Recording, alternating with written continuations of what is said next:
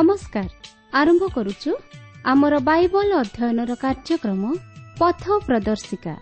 ପବିତ୍ର ବାଇବଲ କହେ ତୁମ୍ଭେ ସର୍ବାନ୍ତକରଣ ସହିତ ସଦାପ୍ରଭୁଙ୍କଠାରେ ବିଶ୍ୱାସ କର ଓ ନିଜ ସୁବିବେଚନାରେ ଆଉଜି ପଡ଼ ନାହିଁ। ଆପଣାର ସବୁ ଗତିରେ ତାହାଙ୍କୁ ସ୍ୱୀକାର କର। ତହିଁରେ ସେ ତୁମ୍ଭର ପଥ ସବୁ ସରଳ କରିବେ।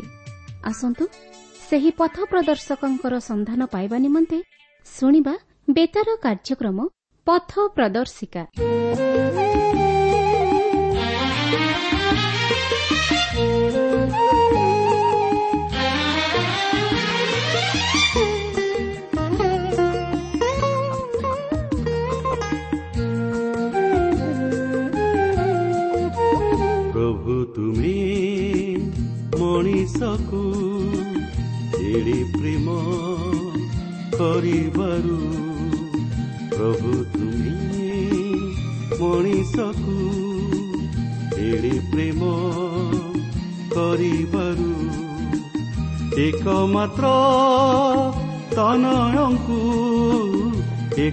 ଏକମାତ୍ର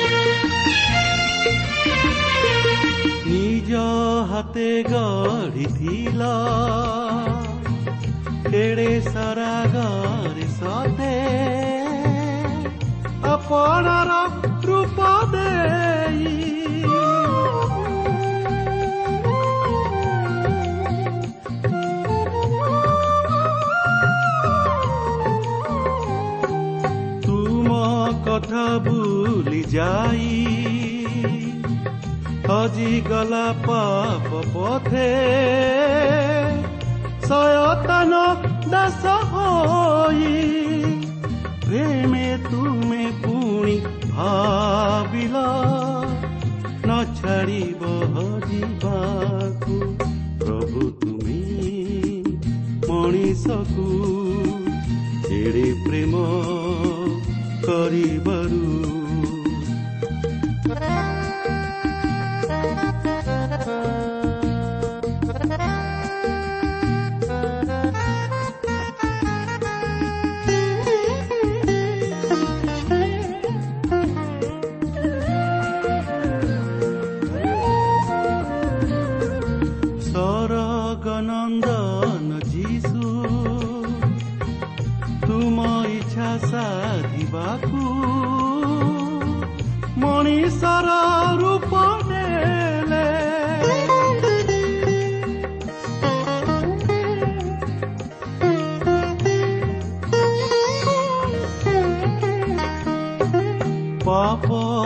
ପାପର ଯାତନ ଯେତେ ପାପି ପାଇଁ ନିରବରେ ବରି ନେଲେ ନିଜ ଅଙ୍ଗେ କୃଷେ ନିଜ ପ୍ରାଣ ସେ ଦେଲେ ତାକୁ କ୍ଷମା କରିବାକୁ ପ୍ରଭୁ ତୁମେ ମଣିଷକୁ ଏଡ଼େ ପ୍ରେମ କରିବାରୁ ପ୍ରଭୁ ତୁମେ ମଣିଷକୁ ଏଡ଼େ ପ୍ରେମ କରିବାରୁ ଏକମାତ୍ର ତନୟଙ୍କୁ ଏକମାତ୍ର ତନୟଙ୍କୁ ଦାନ କଲ ଜଗତକୁ ଦାନ କଲ ଜଗତକୁ ପ୍ରଭୁ ତୁମେ ମଣିଷକୁ ଏଡ଼େ ପ୍ରେମ କରିବାରୁ ପ୍ରଭୁ ତୁମେ ମଣିଷକୁ ଏଡ଼େ ପ୍ରେମ କରିବାରୁ। ପ୍ରିୟ ପ୍ରିୟଶତାବନ୍ଧୁ ଆଜିର ଏହି ଶୁଭ ଅବସରରେ ଆମମାନଙ୍କର ଉଦ୍ଧାରକର୍ତ୍ତା ପ୍ରଭୁ ଯୀଶୁକ୍ରିଷ୍ଣଙ୍କ ବହୁମୂଲ୍ୟ ନାମରେ ଶୁଭେଚ୍ଛା ଜଣାଇ ଆଜିର ଏହି ପଥ ପ୍ରଦର୍ଶିକା କାର୍ଯ୍ୟକ୍ରମକୁ ଆପଣଙ୍କୁ ସ୍ୱାଗତ ଜଣାଏ। ଆପଣ ଆପଣଙ୍କର ବହୁମୂଲ୍ୟ ସମୟ ଦେଇ ଆଜିର ଏହି କାର୍ଯ୍ୟକ୍ରମ ଶୁଣିବା ନିମନ୍ତେ ରେଡିଓ ପାଖରେ ଅପେକ୍ଷା କରି ବସିଥିବାର ଜାଣି ଆମେ ବିଶେଷ ଖୁସି। ପ୍ରଭୁଙ୍କ ନାମକୁ ଧନ୍ୟବାଦ ଦେଉ। ପ୍ରଭୁ ଆପଣଙ୍କର ମନୋବାଞ୍ଛା ପୂର୍ଣ୍ଣ କରନ୍ତୁ ଆଉ ସେ ଆପଣଙ୍କ ଆତ୍ମିକ ଜୀବନରେ ବର୍ଦ୍ଧିଷ୍ଣୁ କରାନ୍ତୁ। ଆସନ୍ତୁ ପ୍ରଭୁଙ୍କର ବାକ୍ୟ ମଧ୍ୟକୁ ଯିବା ପୂର୍ବରୁ ସଂକ୍ଷେପରେ ପ୍ରାର୍ଥନା କରିବା। ପବିତ୍ର ପ୍ରଭୁ ତୁମର ପବିତ୍ର ନାମର ଧନ୍ୟବାଦ କରୁଅଛୁ। ପ୍ରଭୁ ତୁମେ ବାସ୍ତବରେ ବିଶ୍ୱସ୍ତ ତୁମେ ଆମମାନଙ୍କର ଜୀବିତ ଈଶ୍ୱର ପ୍ରତିଗାର ବିଶ୍ୱସ୍ତ ପରମେଶ୍ୱର। ପ୍ରଭୁ ତୁମର ବାକ୍ୟ ମଧ୍ୟ ଦେଇ ତୁମେ ଆମମାନଙ୍କ ସହିତ କଥା କୁହ। ପ୍ରତ୍ୟେକ ଶ୍ରୋତାବନ୍ଧୁମାନଙ୍କୁ ପ୍ରଭୁ ତୁମେ ଆଶୀର୍ବାଦ କର। ପ୍ରତ୍ୟେକଙ୍କର ମନସ୍କାମନା ତୁମେ ପୂର୍ଣ୍ଣ କର। ଏହି ସମସ୍ତ ପ୍ରାର୍ଥନା ପ୍ରିୟ ପ୍ରଭୁ ଯୀଶୁଙ୍କ ନାମରେ ମାଗୁଅଛୁ।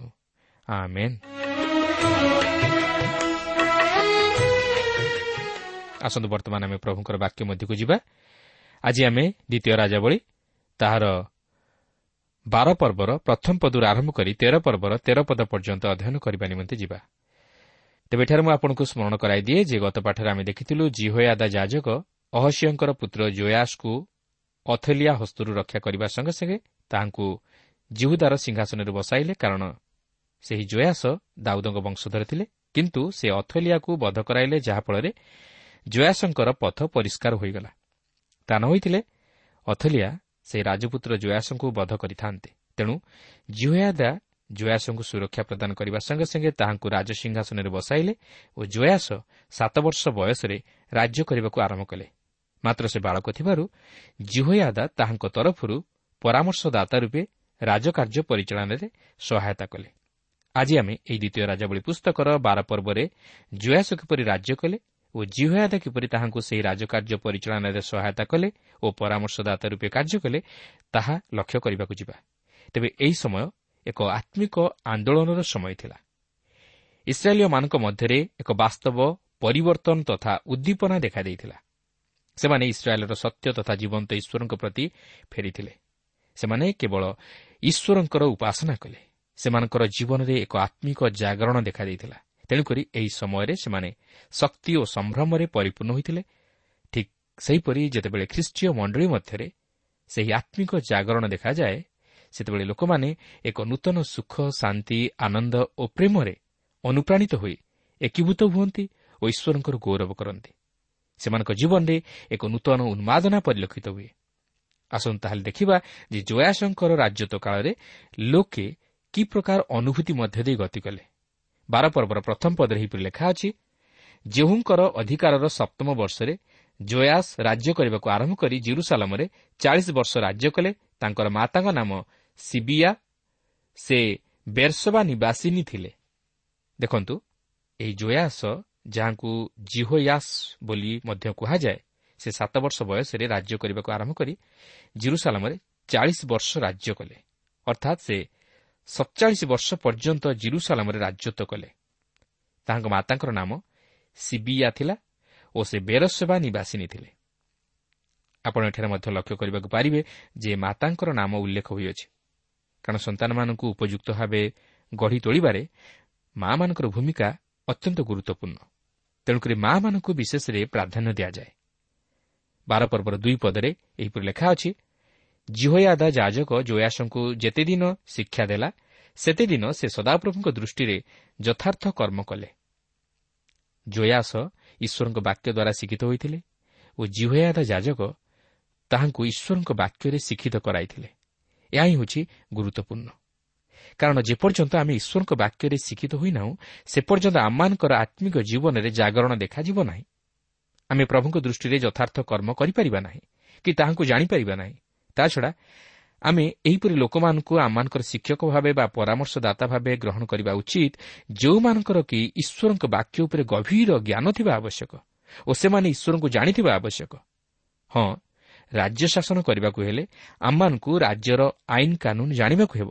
କିନ୍ତୁ ତାହା ଯଥେଷ୍ଟ ନୁହେଁ। ମାତ୍ର ଏଥିସହିତ ଆମମାନେ ଈଶ୍ୱରଙ୍କ ବାକ୍ୟରେ ଶିକ୍ଷିତ ହେବା ଆବଶ୍ୟକ ଓ ଈଶ୍ୱରଙ୍କୁ ଜାଣିବା ଆବଶ୍ୟକ।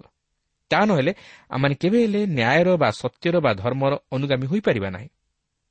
ଜୁହେଦା ତାହା ଜାଣି ଜୟାସଙ୍କୁ ଈଶ୍ୱରଙ୍କ ବାକ୍ୟରେ ଶିକ୍ଷିତ କରାଇଥିଲେ ଯେପରି ସେ ଈଶ୍ୱରଙ୍କ ଦୃଷ୍ଟିରେ ଯଥାର୍ଥ କର୍ମ କରି ତାହାଙ୍କର ଅଭିମତକୁ ସଫଳ କରିପାରନ୍ତି।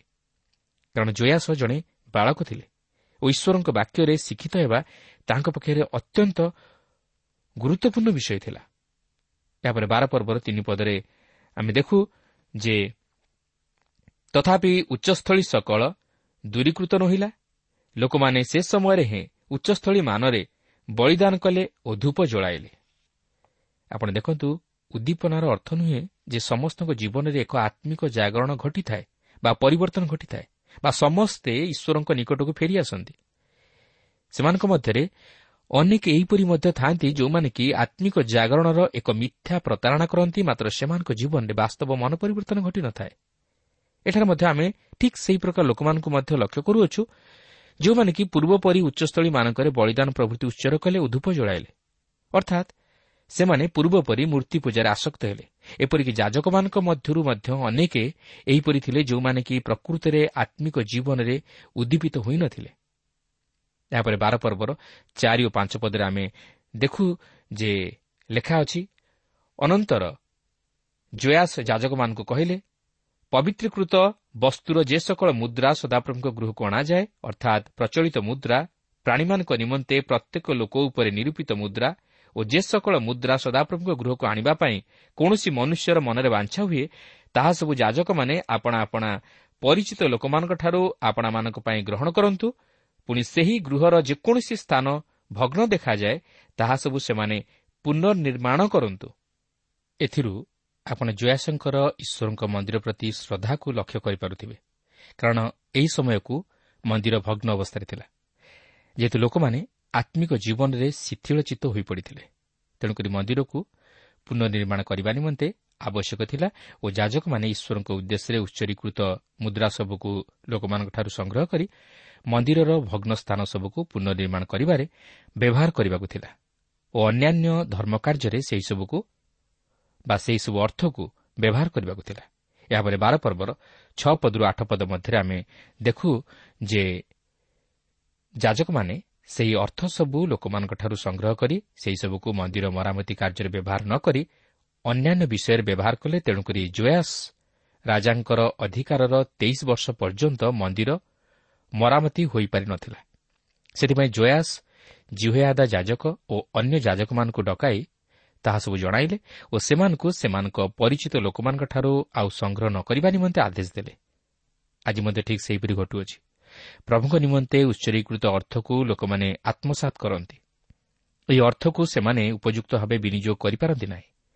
ସେମାନେ ନିଜର ସ୍ୱାର୍ଥ ହାସଲ ନିମନ୍ତେ ତାହା ବ୍ୟବହାର କରନ୍ତି ଅବିଶ୍ୱସ୍ତତାର କାର୍ଯ୍ୟ କରନ୍ତି। ତେଣୁ ଖ୍ରୀଷ୍ଟୀୟ ମଣ୍ଡଳୀ ମଧ୍ୟରେ ଯେଉଁମାନେ ପ୍ରକୃତରେ ଆତ୍ମିକ ମନା ସେହିପରି ବ୍ୟକ୍ତିମାନଙ୍କୁ ମନୋନୀତ କରି ସେମାନଙ୍କୁ କୋଷାଧ୍ୟକ୍ଷ ରୂପେ ନିଯୁକ୍ତ କରିବା ଉଚିତ ଯଦ୍ୱାରା ଈଶ୍ୱରଙ୍କ ଉଦ୍ଦେଶ୍ୟରେ ଉଚ୍ଚରୀକୃତ ଅର୍ଥର ସଦୁପଯୋଗ ହୋଇପାରିବ ଓ ମଣ୍ଡଳୀର ଅଭିବୃଦ୍ଧି ଘଟିପାରିବ। ଓ ଈଶ୍ୱରଙ୍କ ଗୃହର ତତ୍ତ୍ୱାବଧାରଣ ହୋଇପାରିବ। ତେବେ ସେମାନେ ସେହିସବୁ ଅର୍ଥ ନେଇ କ'ଣ କଲେ? ସେମାନେ ସେହିସବୁ ଅର୍ଥ ସଂଗ୍ରହ କରି ରଖିବା ନିମନ୍ତେ ଏକ ତାଲାଯୁକ୍ତ ବାକ୍ସ ନିର୍ମାଣ କରି ତହିଁରେ ରଖିଲେ ଯେପରି ଯାଜକମାନେ ସେହିସବୁ ଅର୍ଥକୁ ନେଇ ନ ପାରନ୍ତି। ଦେଖନ୍ତୁ ବାର ପର୍ବର ନଅ ପଦରେ ଏହିପରି ଲେଖା ଅଛି ମାତ୍ର ଜିହୟାଦ ଯାଜକ ଏକ ସିନ୍ଧୁକ ନେଇ ତହିଁର ଢାଙ୍କୁଣୀରେ ଏକ ଛିଦ୍ର କରି ଯଜ୍ଞବିଧି ନିକଟରେ ସଦାପ୍ରଭୁଙ୍କ ଗୃହରେ ପ୍ରବେଶ ସ୍ଥାନର ଦକ୍ଷିଣ ପାର୍ଶ୍ୱରେ ରଖିଲା।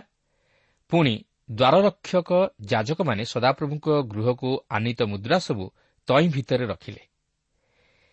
ପ୍ରକୃତରେ ଏହା ଏକ ବୁଦ୍ଧିର କାର୍ଯ୍ୟ ଥିଲା ଓ ଏହି ସିନ୍ଧୁକକୁ ଯେପରି ଭାବରେ ତିଆରି କରାଯାଇଥିଲା ଓ ଯେଉଁ ସ୍ଥାନରେ ରଖାଯାଇଥିଲା ତହିଁରୁ ଅର୍ଥ ବାହାର କରିନେବା ଏତେ ସହଜ ବିଷୟ ନଥିଲା।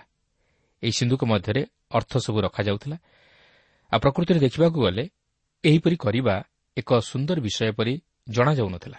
ମାତ୍ର ଯାଜକମାନଙ୍କର ଅବିଶ୍ୱସ୍ତତା ଲାଗି ଜୁହାଦା ସେହିପରି କରିବାକୁ ବାଧ୍ୟ ହେଲେ ଯାହାକି ଆଜି ମଧ୍ୟ ଅନେକ ଅନୁଷ୍ଠାନମାନଙ୍କରେ ଏହି ପ୍ରକାର ବ୍ୟବସ୍ଥା ନିରୂପଣ କରାଯାଇଅଛି। ଯେପରି ପ୍ରଭୁଙ୍କ ନିମନ୍ତେ ଉଚ୍ଚରୀକୃତ ଅର୍ଥ ସୁରକ୍ଷିତ ହୁଏ ଓ ପ୍ରଭୁଙ୍କ ନିମନ୍ତେ ଉପଯୁକ୍ତ ଭାବେ ବ୍ୟବହୃତ ହୁଏ। ଏହାପରେ ବାର ପର୍ବର ଦଶ ପଦରୁ ଷୋହଳ ପଦ ମଧ୍ୟରେ ଆମେ ଦେଖୁ ଯେ ସେମାନେ ସେହି ଅର୍ଥକୁ ନେଇ ଅତି ବିଶ୍ୱସ୍ତ ଭାବରେ ବ୍ୟବହାର କଲେ। ସେମାନେ ସେହି ଅର୍ଥ ନେଇ ସଦାପ୍ରଭୁଙ୍କ ଗୃହ ପୁନର୍ନିର୍ମାଣ କଲେ। ବାସ୍ତବରେ ଈଶ୍ୱରଙ୍କ ଗୃହର ଯତ୍ନ ନେବା ନିତାନ୍ତ ଆବଶ୍ୟକ। ଈଶ୍ୱରଙ୍କ ଗୃହ ଯଦି ଭଗ୍ନ ଅବସ୍ଥାରେ ରୁହେ ତାହେଲେ ଈଶ୍ୱରଙ୍କର ଅଗୌରବ ହୁଏ। ଈଶ୍ୱର ଦୁଃଖ କରନ୍ତି। ଆଜି ଆମମାନେ ନିଜ ନିଜର ଗୃହକୁ ନିର୍ମାଣ କରିବା ନିମନ୍ତେ ଓ ତହିଁର ସାଜସଜାରେ ଅନେକ ଅର୍ଥ ତଥା ସମୟ ବ୍ୟୟ କରୁ। ମାତ୍ର ଈଶ୍ୱରଙ୍କ ଗୃହ ପ୍ରତି ଅବହେଳା କରୁ। କିନ୍ତୁ ଏହାଦ୍ୱାରା ଆମେ ଈଶ୍ୱରଙ୍କ ମନରେ ମଧ୍ୟ ଦୁଃଖ ଦେଉ। ତେଣୁ ଆମେ ପ୍ରତ୍ୟେକ ଈଶ୍ୱରଙ୍କ ଗୃହର ସୁରକ୍ଷା ପ୍ରତି ଓ ତହିଁର ଅଭିବୃଦ୍ଧି ପ୍ରତି ଦୃଷ୍ଟି ଦେବା ଉଚିତ। ତେବେ ଯଦିଓ ଜୟାସଙ୍କ ସମୟରେ ସେହି ଜିହୁଦା ରାଜ୍ୟ ମଧ୍ୟରେ ଏକ ମହାନ ଆତ୍ମିକ ଜାଗରଣ ଦେଖାଦେଇଥିଲା ମାତ୍ର ଇସ୍ରାଏଲ୍ ସନ୍ତାନଗଣ ପୁନର୍ବାର ଆତ୍ମିକ ଜୀବନରେ ତଳକୁ ତଳକୁ ଗତି କରିବାକୁ ଲାଗିଲେ। ସେମାନଙ୍କ ଜୀବନରେ ପୁନର୍ବାର ଦୁର୍ବଳତା ଦେଖାଦେଲା। ବାର ପର୍ବର ସତରରୁ ଅଠର ପଦ ମଧ୍ୟରେ ଆମେ ଦେଖୁ ଯେ ରାଜା ଜୟାସ ତାହାଙ୍କ ରାଜତ୍ୱର ସମୟ କିଣିବାକୁ ଚାହିଁଲେ। ସେ ଅରାମର ରାଜା ହସାଏଲ୍କୁ କିଣିବାକୁ ଚାହିଁଲେ। ସେ ମଧ୍ୟ ତାହା କଲେ ଓ ସଦାପ୍ରଭୁଙ୍କ ଉଦ୍ଦେଶ୍ୟରେ ଉଚ୍ଚରୀକୃତ ପବିତ୍ର ବସ୍ତୁ ତଥା ସ୍ୱର୍ଣ୍ଣ ସବୁକୁ ନେଇ ଅରାମର ରାଜା ହସାଏଲ୍କୁ ଦେଲେ ଯେପରି ସେ ସେହି ଧନ ପାଇ ଜିରୁସାଲାମରୁ ବାହାରି ପଳାଇଯାଏ। କିନ୍ତୁ ତାହା ସେପରି କରିବା ଠିକ୍ ନଥିଲା। ସେ ମନୁଷ୍ୟକୁ ଭୟ କରି ଏ ପ୍ରକାର କାର୍ଯ୍ୟ କଲେ କିନ୍ତୁ ଈଶ୍ୱରଙ୍କର ସହାୟତା ଲୋଡ଼ିଲେ ନାହିଁ। ଏହାପରେ ବାର ପର୍ବର ଉଣେଇଶରୁ ଏକୋଇଶ ପଦ ମଧ୍ୟରେ ଆମେ ଦେଖୁ ଯେ ଜୟାସ ଯେତେବେଳେ ମୃତ୍ୟୁବରଣ କଲେ ସେତେବେଳେ ସେ ସତଚାଳିଶ ବର୍ଷ ବୟସ୍କ ହୋଇଥିଲେ ଓ ତାହାଙ୍କର ଦାସମାନେ ତାହାଙ୍କୁ ବଦ୍ଧ କଲେ ଓ ସେ ତାହାଙ୍କର ପିତାଙ୍କ ସହ ଦାଉଦ ନଗରରେ କବର ପାଇଲେ ତେବେ ଆମେ ଯେତେବେଳେ ବଂଶାବଳୀ ପୁସ୍ତକ ଅଧ୍ୟୟନ କରିବା ସେତେବେଳେ ଏହି ରାଜାଙ୍କ ସମୟରେ ଯେଉଁ ପ୍ରକାର ଆତ୍ମିକ ଜାଗରଣ ଦେଖାଦେଇଥିଲା ତାହା ବିଶେଷ ଭାବେ ଆଲୋଚନା କରିବା କିନ୍ତୁ ମୋଟାମୋଟି ଭାବେ ଦେଖିବାକୁ ଗଲେ ଜୟାସ ଜଣେ ଉତ୍ତମ ରାଜା ଥିଲେ ଓ ଆମେ ମଧ୍ୟ ପରେ ଦେଖିବାକୁ ପାରିବା ଯେ ତାହାଙ୍କର ପୁତ୍ର ଆମାସିଓ ମଧ୍ୟ ଏକ ଉତ୍ତମ ରାଜା ଥିଲେ। ତେବେ ଏହିଠାରେ ଆମେ ବାର ପର୍ବଟି ଅଧ୍ୟୟନ କରି ସମାପ୍ତ କଲେ ମାତ୍ର ଏହି ପର୍ବରୁ ଆମକୁ ଏହି ଶିକ୍ଷା ମିଳେ ଯେ ଆମେ ଯେପରି ଈଶ୍ୱରଙ୍କ ମନ୍ଦିରର ଯତ୍ନ ନେଉ ଓ ଈଶ୍ୱରଙ୍କ ଉଦ୍ଦେଶ୍ୟରେ ଉଚ୍ଚରୀକୃତ ଅର୍ଥକୁ ସଦ୍ଭାବରେ ବିନିଯୋଗ କରୁ ମାତ୍ର ତାହାକୁ ଆତ୍ମସାତ ନ କରୁ। ବର୍ତ୍ତମାନ ଆମେ ଦ୍ୱିତୀୟ ରାଜାବଳୀ ତେର ପର୍ବ ମଧ୍ୟକୁ ଯିବା। ଏହି ତେର ପର୍ବରେ ଇସ୍ରାଏଲ୍ର ରାଜାଙ୍କ ବିଷୟ ନେଇ କିଛି ଅଧ୍ୟୟନ କରିବାକୁ ଯିବା।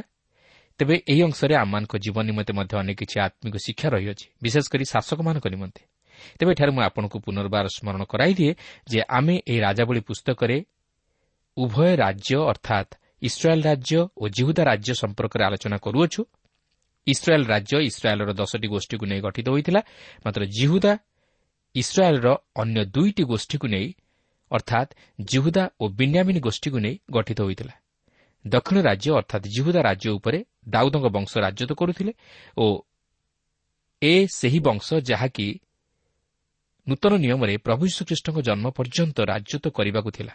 ଏପରିକି ଆମେ ଦେଖୁଛୁ ଯେ ଦାଉଦ ବଂଶ ଆହବ ଓ ଇସେବଲଙ୍କର କନ୍ୟା ଅଥଲିଆ ଦ୍ୱାରା ପୂରାପୂରି ଲୁପ୍ତ ହେବାକୁ ବସିଥିଲା। ମାତ୍ର ଈଶ୍ୱର ଆଶ୍ଚର୍ଯ୍ୟ ଭାବରେ ଦାଉଦଙ୍କ ବଂଶ ମଧ୍ୟରୁ ଜଣକୁ ରକ୍ଷା କରିଥିଲେ ଆଉ ସେହି ରାଜପୁତ୍ରର ନାମ ଥିଲା ଜୟାସ। ଏହି ଦ୍ୱିତୀୟ ରାଜାବଳୀ ତେର ପର୍ବରେ ଆମେ ଦେଖିବାକୁ ପାରିବା ଯେ ଯେଉଁଙ୍କର ପୁତ୍ର ଜିହ ୟାହସ୍ ଇସ୍ରାଏଲ୍ ଉପରେ ରାଜ୍ୟ କଲେ ଓ ସେ ସତର ବର୍ଷ କାଳ ଇସ୍ରାଏଲ୍ ଉପରେ ରାଜ୍ୟ କଲେ। ସେ କିନ୍ତୁ ଜାରବିଆମଙ୍କର ପାପ ପଥରେ ଚାଲିଲେ ଓ ଈଶ୍ୱରଙ୍କ ଇଚ୍ଛା ବିରୁଦ୍ଧ କାର୍ଯ୍ୟ କଲେ। ପ୍ରକୃତରେ ଦେଖିବାକୁ ଗଲେ ତାହାଙ୍କ ରାଜତ୍ୱ କାଳରେ ସେପରି କିଛି ଚମକପ୍ରଦ ବିଷୟ ବା ଉତ୍ସାହଜନକ ବିଷୟ ଆମେ ଲକ୍ଷ୍ୟ କରିପାରିବା ନାହିଁ। କାରଣ ଜଣେ ପାପି ମନୁଷ୍ୟ ଜୀବନରେ ସେପରି କିଛି ଚମକପ୍ରଦ ବା ଉତ୍ସାହଜନକ ବିଷୟ ପରିଲକ୍ଷିତ ହୁଏ ନାହିଁ। କିନ୍ତୁ ଯେତେବେଳେ ଜଣେ ପାପି ସତ୍ୟ ଈଶ୍ୱରଙ୍କୁ ଜାଣେ ଓ ଖ୍ରୀଷ୍ଟଙ୍କୁ ନିଜ ହୃଦୟରେ ଗ୍ରହଣ କରି ତାହାଙ୍କ ବାକ୍ୟ ଅନୁଯାୟୀ ଜୀବନଯାପନ କରେ ସେତେବେଳେ ତାହାର ଜୀବନରେ ଏକ ନୂତନତ୍ୱ ତଥା ଚମକପ୍ରଦ ବିଷୟମାନ ପରିଲକ୍ଷିତ ହୁଏ। ଯାହାକି ଅନେକଙ୍କୁ ସେହି ସମସ୍ତ ସାକ୍ଷ୍ୟ ଶୁଣିବା ନିମନ୍ତେ ତଥା ସେହିସବୁ ବିଷୟ ଦେଖିବା ନିମନ୍ତେ ଅନେକ ଆଗ୍ରହ ତଥା ଉତ୍ସାହ ମନ ମଧ୍ୟରେ ଜାଗ୍ରତ କରାଏ। ତେଣୁ ଏହି ପର୍ବଟି ଅଧ୍ୟୟନ କରିବା ସମୟରେ ଆମକୁ ସେତେଦୂର ଭଲ ଲାଗି ନପାରେ କାରଣ ସେପରି କୌଣସି ମନକୁ ଆକର୍ଷିତ କଲାଭଳି ବିଷୟ ଆମର ଦୃଷ୍ଟିଗୋଚର ହୋଇ ନପାରେ ମାତ୍ର ଏଥିରୁ ଆମକୁ ଅନେକ କିଛି ଶିକ୍ଷା ମିଳେ ଯାହାକି ଆମକୁ ପାପ ବିଷୟରେ ସଚେତ କରାଇଦିଏ ତେର ପର୍ବର ପ୍ରଥମ ଦୁଇ ପଦରେ ଏହିପରି ଲେଖା ଅଛି ଜିହୁଦାର ଅହସ୍ୟ ରାଜାଙ୍କର ପୁତ୍ର ଜୟାସଙ୍କର ଅଧିକାରର ତେଇଶ ବର୍ଷରେ ଯେଉଁଙ୍କର ପୁତ୍ର ଜିହଏ ଆହସ୍ ସମରିଆରେ ଇସ୍ରାଏଲ୍ ଉପରେ ରାଜ୍ୟ କରିବାକୁ ଆରମ୍ଭ କରି ସତର ବର୍ଷ ରାଜ୍ୟ କଲେ। ସେ ସଦାପ୍ରଭୁଙ୍କ ଦୃଷ୍ଟିରେ କୁକର୍ମ କଲେ। ପୁଣି ନବାଟର ପୁତ୍ର ଜାରବ୍ୟାମ୍ ଯଦ୍ୱାରା ଇସ୍ରାଏଲ୍କୁ ପାପ କରାଇଥିଲେ ତାଙ୍କର ସେହି ପାପର ଅନୁଗାମୀ ହେଲେ। ସେ ତହିଁରୁ ବିମୁଖ ହେଲେ ନାହିଁ। ଜାରବ୍ୟାମ୍ ଇସ୍ରାଏଲ୍କୁ ପ୍ରତିମା ପୂଜାରେ ଆସକ୍ତ କରାଇଥିଲେ। ସେ ଗୋବତ୍ସର ପ୍ରତିମା ନିର୍ମାଣ କରି ତାହାକୁ ପୂଜା କରିବାର ରୀତି ଇସ୍ରାଏଲ୍ ମଧ୍ୟରେ ପ୍ରଚଳନ କରାଇଥିଲେ। ଫଳରେ ଇସ୍ରାଏଲ୍ ସେହି ଗୋବତ୍ସକୁ ପୂଜା କରି ସତ୍ୟ ତଥା ଜୀବନ୍ତ ଈଶ୍ୱରଙ୍କଠାରୁ ବିମୁଖ ହେଲେ ଓ ପାପରେ ପତିତ ହେଲେ। କିନ୍ତୁ ଜାରବିଆମଙ୍କ ପରେ ଆହବ ଓ ଇସେବଲ ତାହାଠାରୁ ଅଧିକ ପାପ ପଥରେ ଚଳିଲେ। ସେମାନେ ବାଲ ଦେବତାର ଉପାସନା ପ୍ରଚଳନ କରାଇଲେ ଯାହାକି ଅଧିକ ଭୟଙ୍କର ବିଷୟ ଥିଲା। ମାତ୍ର ଜେହୁଙ୍କର ପୁତ୍ର ଜିହ ୟାହସ୍ ଯଦିଓ ତାହାଙ୍କ ପିତା ଜେହୁଙ୍କ ପରି ବାଲ ଦେବତାର ପୂଜା ଆରାଧନା କରି ନ ଥିଲେ କି ଆହାବ ଓ ଇସେବଲର ପାପ ପଥରେ ଥିଲେ ମାତ୍ର ସେ ଜାରବିଆମଙ୍କର ପଥରେ ଚଳିଲେ ଓ ତାହାଙ୍କ ପାପର ଭାଗି ହେଲେ। ଅର୍ଥାତ୍ ସେ ଜାରବିଆମଙ୍କ ପରି ଗୋବତ୍ସ ପ୍ରତିମାର ପୂଜା ଉପାସନା ପ୍ରଚଳନ କରାଇଲେ ଓ ଇସ୍ରାଏଲ୍କୁ ଈଶ୍ୱରଙ୍କ ଉପାସନାରୁ ବିମୁଖ କରାଇଲେ। ଫଳରେ ଈଶ୍ୱରଙ୍କ କ୍ରୋଧ ସେମାନଙ୍କ ପ୍ରତି ବର୍ତ୍ତିଲା। ତେର ପର୍ବର ତିନି ଓ ଚାରିପଦରେ ଆମେ ଦେଖୁ ଯେ ଯେହେତୁ ଇସ୍ରାଏଲ୍ ପାପ କଲେ ଓ ଈଶ୍ୱରଙ୍କଠାରୁ ବିମୁଖ ହେଲେ ଏହେତୁ ଈଶ୍ୱର ସେମାନଙ୍କୁ ଅରାମୀୟ ରାଜାଙ୍କ ହସ୍ତରେ ସମର୍ପଣ କଲେ ଓ ସେମାନେ ଇସ୍ରାଏଲ୍ ବିରୁଦ୍ଧରେ ଉଠିଲେ। ତେଣୁ ଏହି ଜିହୋୟାହସ୍ ତାହା ଦେଖି ଜାଣିପାରିଲେ ଯେ ସେ ବର୍ତ୍ତମାନ ବିପଦର ସମ୍ମୁଖୀନ ହେବାକୁ ଯାଉଅଛନ୍ତି। ତାହା ଜାଣି ସେ ଈଶ୍ୱରଙ୍କ ପ୍ରତି ଫେରିଲେ ଓ ତାହାଙ୍କର ଶରଣାପନ୍ନ ହେଲେ। ଈଶ୍ୱର ମଧ୍ୟ ତାହାଙ୍କର ପ୍ରାର୍ଥନା ଶୁଣି ଇସ୍ରାଏଲ୍କୁ ଅରାମୀୟମାନଙ୍କ ହସ୍ତରୁ ଉଦ୍ଧାର କଲେ। ତେର ପର୍ବର ପାଞ୍ଚ ଓ ଛଅ ପଦରେ ଆମେ ଦେଖୁ ଯେ ଈଶ୍ୱର କେତେ ଦୟାଳୁ ଓ ଅନୁଗ୍ରହକାରୀ। ଯେଉଁ ମୁହୂର୍ତ୍ତରେ ରାଜା ତାହାଙ୍କ ନିକଟରେ ନିବେଦନ ପ୍ରାର୍ଥନା କଲେ ସେହି ମୁହୂର୍ତ୍ତରେ ସେ ସେହି ପ୍ରାର୍ଥନା ଶୁଣି ଉତ୍ତର ପ୍ରଦାନ କଲେ ଓ ସେହି ଲୋକମାନଙ୍କୁ ଅରାମୀୟମାନଙ୍କ ହସ୍ତରୁ ଉଦ୍ଧାର କଲେ। ପ୍ରିୟ ବନ୍ଧୁ ବାସ୍ତବରେ ଈଶ୍ୱର କେତେ କ୍ଷମାଶୀଳ। ସେ ଆଜି ଆପଣଙ୍କୁ ମୋତେ ମଧ୍ୟ କ୍ଷମା ଦେଇ ତାଙ୍କର ନିକଟବର୍ତ୍ତୀ ହେବାର ସୁଯୋଗ ଦିଅନ୍ତି। ସେ ଯଦି ଆଜି ଆମମାନଙ୍କର ପାପ ଅନୁଯାୟୀ ଆମମାନଙ୍କର ବିଚାର କରିଥାନ୍ତେ ତାହେଲେ ଆମେ ଏହି ଜଗତରେ ମୁହୂର୍ତ୍ତେ ମାତ୍ର ବଞ୍ଚି ରହିବା ନିମନ୍ତେ ସୁଯୋଗ ପାଇନଥାନ୍ତୁ। କିନ୍ତୁ ସେ ଆମମାନଙ୍କୁ ପ୍ରେମ କରୁଥିବାରୁ ଆମମାନଙ୍କୁ ଉଦ୍ଧାର କରିବା ନିମନ୍ତେ ତାହାଙ୍କର ପ୍ରିୟ ପୁତ୍ର ପ୍ରଭୁ ଯୀଶୁଖ୍ରୀଷ୍ଟଙ୍କୁ ଏହି ଜଗତକୁ ପଠାଇ ଆମମାନଙ୍କ ନିମନ୍ତେ ଉଦ୍ଧାରର କାର୍ଯ୍ୟ ସାଧନ କଲେ। ଯେପରି ଆପଣ ଓ ମୁଁ ଆମେ ପାପରେ ବିନଷ୍ଟ ନ ହୋଇ ଅନନ୍ତ ଜୀବନରେ ପ୍ରବେଶ କରୁ। କିନ୍ତୁ ଆମେ କ'ଣ ନିଜର ପାପ ପଥରୁ ଫେରିବାକୁ ଚାହୁଁ କି? ଆମେ କ'ଣ ସେହି ପ୍ରଭୁ ଯୀଶୁଖ୍ରୀଷ୍ଟଙ୍କୁ ନିଜର ଉଦ୍ଧାରକର୍ତ୍ତା ରୂପେ ଗ୍ରହଣ କରିବାକୁ ଚାହୁଁ କି? ଯଦି ଆମେ ଚାହୁଁ ତାହେଲେ ସେ ଆଜି ବି ମଧ୍ୟ ଆମମାନଙ୍କୁ ଉଦ୍ଧାର କରିବାକୁ ପ୍ରସ୍ତୁତ। ଏହାପରେ ତେର ପର୍ବର ସାତ ପଦରେ ଆମେ ଦେଖୁ ଯେ ପ୍ରଭୁଙ୍କର ଉତ୍ତମତା ଓ ଅନୁଗ୍ରହ ଜିହୋ ୟାହାଙ୍କ ଜୀବନରେ ଅତି ପ୍ରଚୁର ଥିଲା। ସେ ଈଶ୍ୱରଙ୍କ ନିକଟରେ ନିବେଦନ ପ୍ରାର୍ଥନା କଲେ ଓ ଈଶ୍ୱର ମଧ୍ୟ ତାହାଙ୍କର ପ୍ରାର୍ଥନା ଶୁଣି ଉତ୍ତର ପ୍ରଦାନ କଲେ। ସେ ସେହି ଅରାମୀୟମାନଙ୍କ ହସ୍ତରୁ ସେମାନଙ୍କୁ ଉଦ୍ଧାର କଲେ। କିନ୍ତୁ ସେମାନେ ଈଶ୍ୱରଙ୍କଠାରୁ ସମସ୍ତ ଅନୁଗ୍ରହ ତଥା ମଙ୍ଗଳଦାନ ପାଇଲେ ମଧ୍ୟ ପୁନର୍ବାର ପାପ କରି ଈଶ୍ୱରଙ୍କଠାରୁ ବିମୁଖ ହେଲେ ଓ ପ୍ରତିମା ପୂଜାରେ ଆସକ୍ତ ହେଲେ। ତେଣୁକରି ଅରାମ୍ୟ ରାଜା ଇସ୍ରାଏଲ୍ର ରାଜା ଜିଓ ୟାହସ୍କୁ ଏପରି ଭାବେ ପରାସ୍ତ କଲେ ଯେ ସେ ଆଉ ପୁନର୍ବାର ତହିଁର ପ୍ରତିରୋଧ କରିବାକୁ ସମର୍ଥ ହେଲେ ନାହିଁ କି ନିଜର ରାଜ୍ୟକୁ ରକ୍ଷା କରିପାରିଲେ ନାହିଁ ଆଜି ମଧ୍ୟ କ'ଣ ସେହିପରି ଘଟୁନାହିଁ କି ଆମେ ନିଜର ପାପ ନିମନ୍ତେ ଅନୁତାପ କରି ଈଶ୍ୱରଙ୍କ ନିକଟରେ କ୍ଷମା ଭିକ୍ଷା କରୁ ଓ ନିଜର ସମସ୍ୟାରୁ ଉଦ୍ଧାର ପାଇଥାଉ କିନ୍ତୁ ପରେ ପୁନର୍ବାର ପାପରେ ପତିତ ହେଉ ଓ ଈଶ୍ୱରଙ୍କଠାରୁ ଦୂରବର୍ତ୍ତୀ ଜୀବନଯାପନ କରୁ କିନ୍ତୁ ଏହାଦ୍ୱାରା ଆମେ ନିଜର ଅମଙ୍ଗଳ ଘଟାଇଥାଉ ଓ ଈଶ୍ୱରଙ୍କର ଆଶୀର୍ବାଦରୁ ବଞ୍ଚିତ ହୋଇଥାଉ। ଏହାପରେ ତେର ପର୍ବର ଆଠରୁ ନଅ ପଦ ମଧ୍ୟରେ ଆମେ ଜିହୟାସଙ୍କର ମୃତ୍ୟୁ ବିଷୟ ନେଇ ଉଲ୍ଲେଖ ହୋଇଥିବାର ଲକ୍ଷ୍ୟ କରୁ।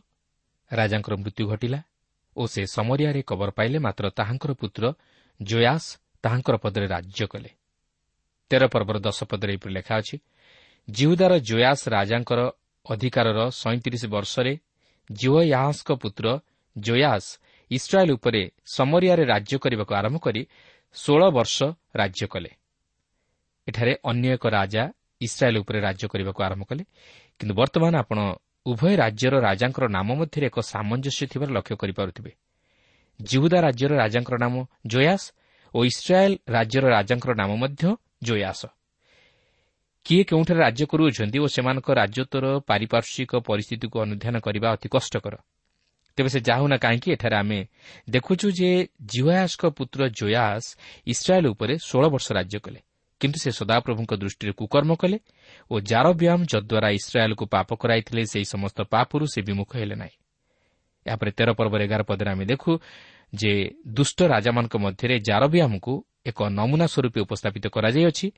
ଜାରବ୍ୟାମ୍ ଇସ୍ରାଏଲ୍କୁ ପ୍ରତିମା ପୂଜାରେ ଆସକ୍ତ କରାଇଲେ ଓ ତହିଁର ପ୍ରଭାବ ଇସ୍ରାଏଲ୍ର ପ୍ରତ୍ୟେକ ରାଜାମାନଙ୍କ ଉପରେ ପଡ଼ିଲା ଓ ସେମାନେ ଈଶ୍ୱରଙ୍କ ଦୃଷ୍ଟିରେ କୁକର୍ମ କରି ଜାରବ୍ୟାମ୍ଙ୍କର ପାପରେ ପତିତ ହେଲେ ଓ ଈଶ୍ୱରଙ୍କ ଆଶୀର୍ବାଦରୁ ବଞ୍ଚିତ ହେଲେ।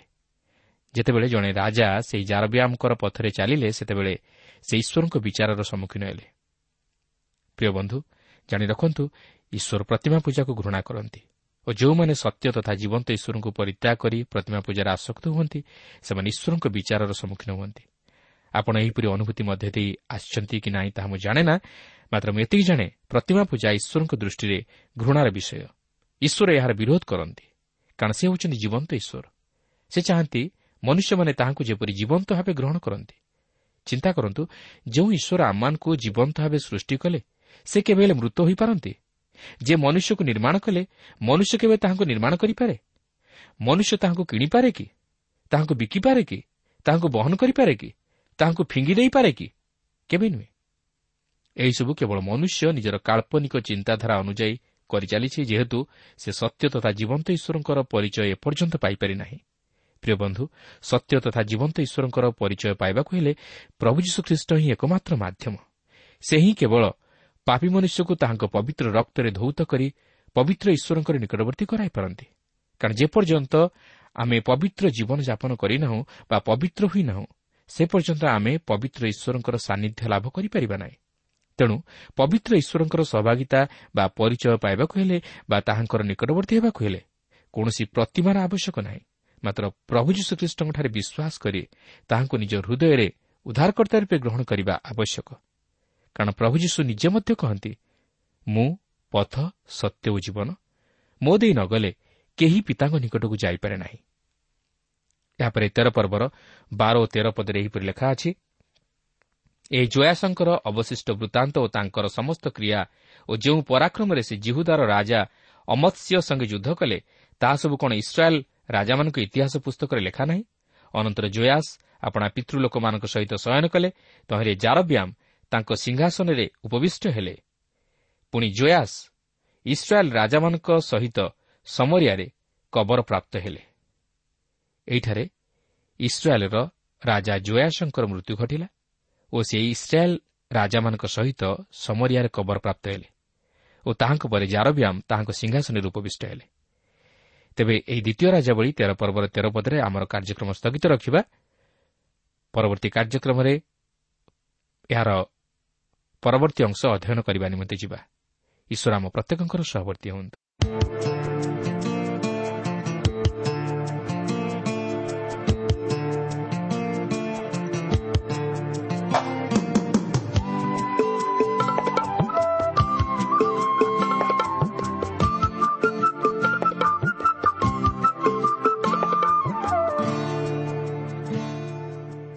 ଶ୍ରୋତା ଆମର କାର୍ଯ୍ୟକ୍ରମ ନିୟମିତ ଶୁଣୁଥିବାରୁ ଅଶେଷ ଧନ୍ୟବାଦ।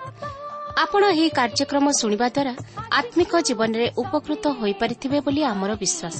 ପ୍ରଭୁ ଯୀଶୁଙ୍କ ବିଷୟରେ ଅଧିକ ଜାଣିବାର ଆଗ୍ରହ ଥିଲେ ଅଥବା ଉପାଦେୟ ପୁସ୍ତକର ଆବଶ୍ୟକ ଥିଲେ ଆମ ସହ ଯୋଗାଯୋଗ କରନ୍ତୁ।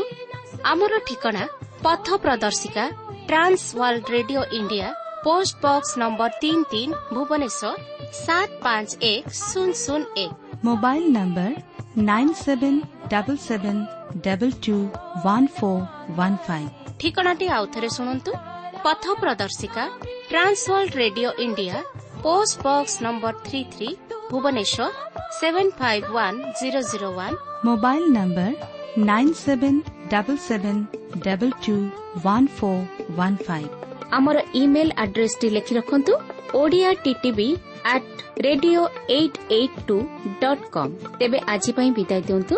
ନମସ୍କାର।